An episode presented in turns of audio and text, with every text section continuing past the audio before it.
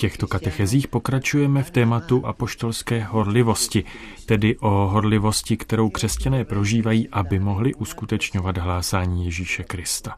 A dnes bych vám rád představil další velký příklad apoštolské horlivosti. Mluvili jsme již o svatém Františku Ksaverském, o svatém Pavlovi, o apoštolské horlivosti těchto velkých horlivců pro Krista. Dnes budeme mluvit o dalším, Italovi, který se však vydal do Číny. Matteo Ricci. Originario di Macerata, nelle Marche. Dopo aver studiato nelle scuole dei Gesuiti ed essere entrato egli stesso nella Compagnia di Gesù, Rodák z Mačeraty v kraji Marke po studiích na jezuitských školách a po vlastním vstupu do tovaristva Ježíšova, nadšený zprávami misionářů, kterým naslouchal, stejně jako mnoho dalších mladých mužů, kteří to cítili, požádal o vyslání do misií na Dálný východ. Po pokusu Františka Ksaverského se o vstup do Číny neúspěšně pokusilo dalších 25 jezuitů. Riči a jeden z jeho spolubratří se však velmi dobře připravili. Pečlivě studovali čínský jazyk a zvyky a nakonec se jim podařilo usadit se na jihu země. Trvalo to 18 let. Ve čtyřech etapách prošli čtyřmi různými městy, než dorazili do Pekingu, který byl centrem Číny.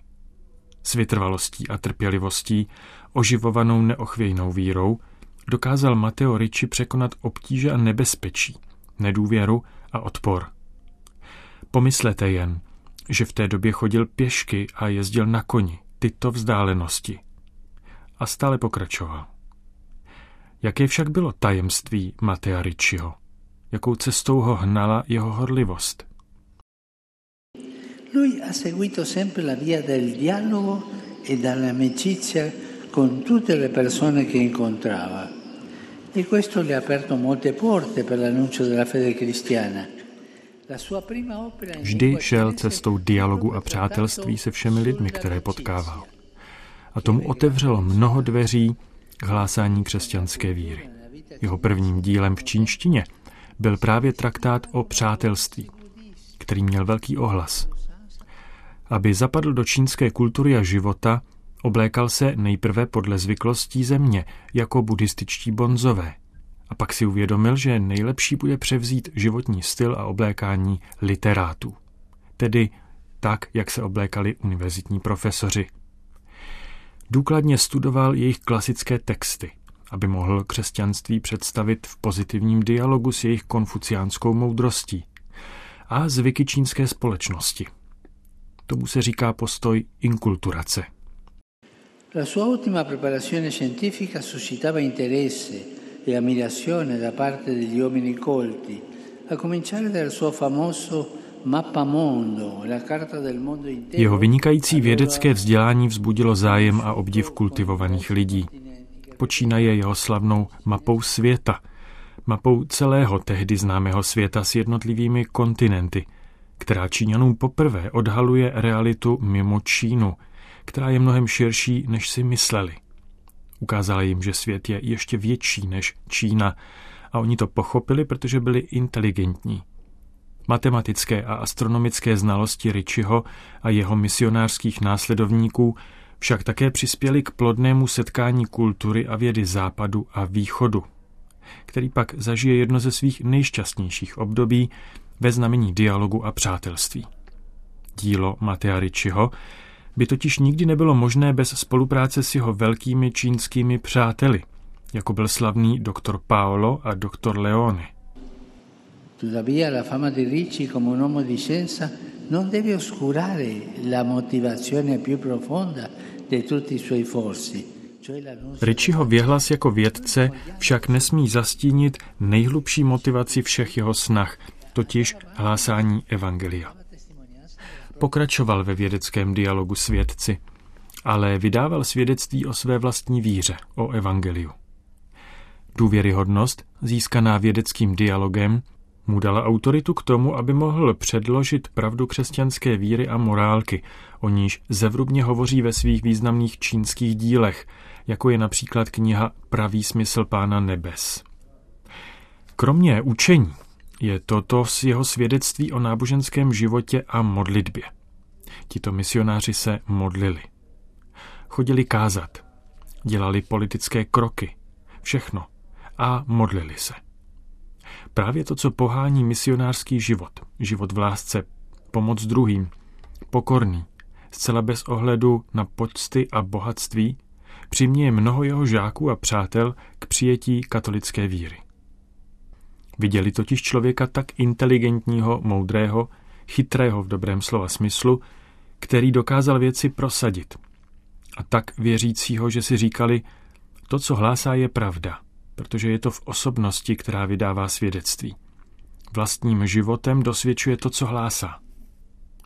Všichni si uvědomovali, že to, co hlásá, je pravda. To je důslednost evangelizátorů. Ale to se dotýká nás všech křesťanů, kteří jsme evangelizátory.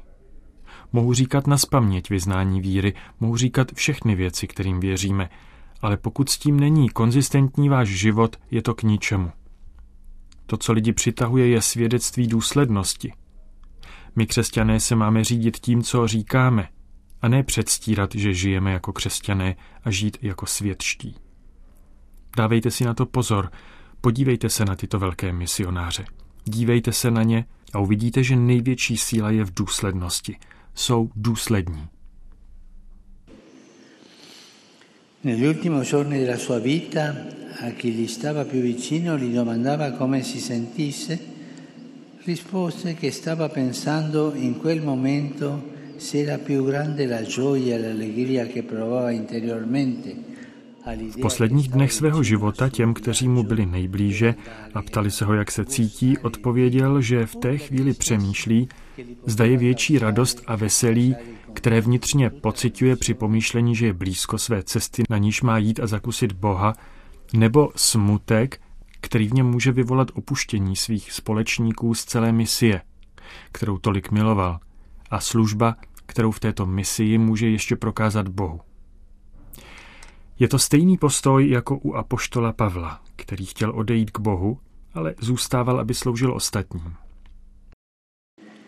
Matteo Ricci morì a Pechino nel 1610 a 50 anni, 57 anni. Un uomo che ha dato tutta la vita per la missione. Matteo Ricci zemřel v Pekingu v roce 1610 ve věku 57 let jako člověk, který celý svůj život obětoval misi. Misionářský duch Matea Ricciho je živým vzorem i dnes. Jeho láska k čínskému lidu je vzorem. Ale to, co je dnes živým vzorem, je důslednost jeho života. Svědectví jeho života jako křesťana. Přinesl do Číny křesťanství, ano, je velký, protože je velký vědec. Je velký, protože je odvážný. Je velký, protože napsal tolik knih. Ale především je velký, protože byl důsledný ve svém povolání. Důsledný v této touze následovat Ježíše Krista. Bratři a sestry, dnes se my, každý z nás, ptejme sami sebe, uvnitř. Jsem důsledný, nebo jsem to tak nějak polovičatě?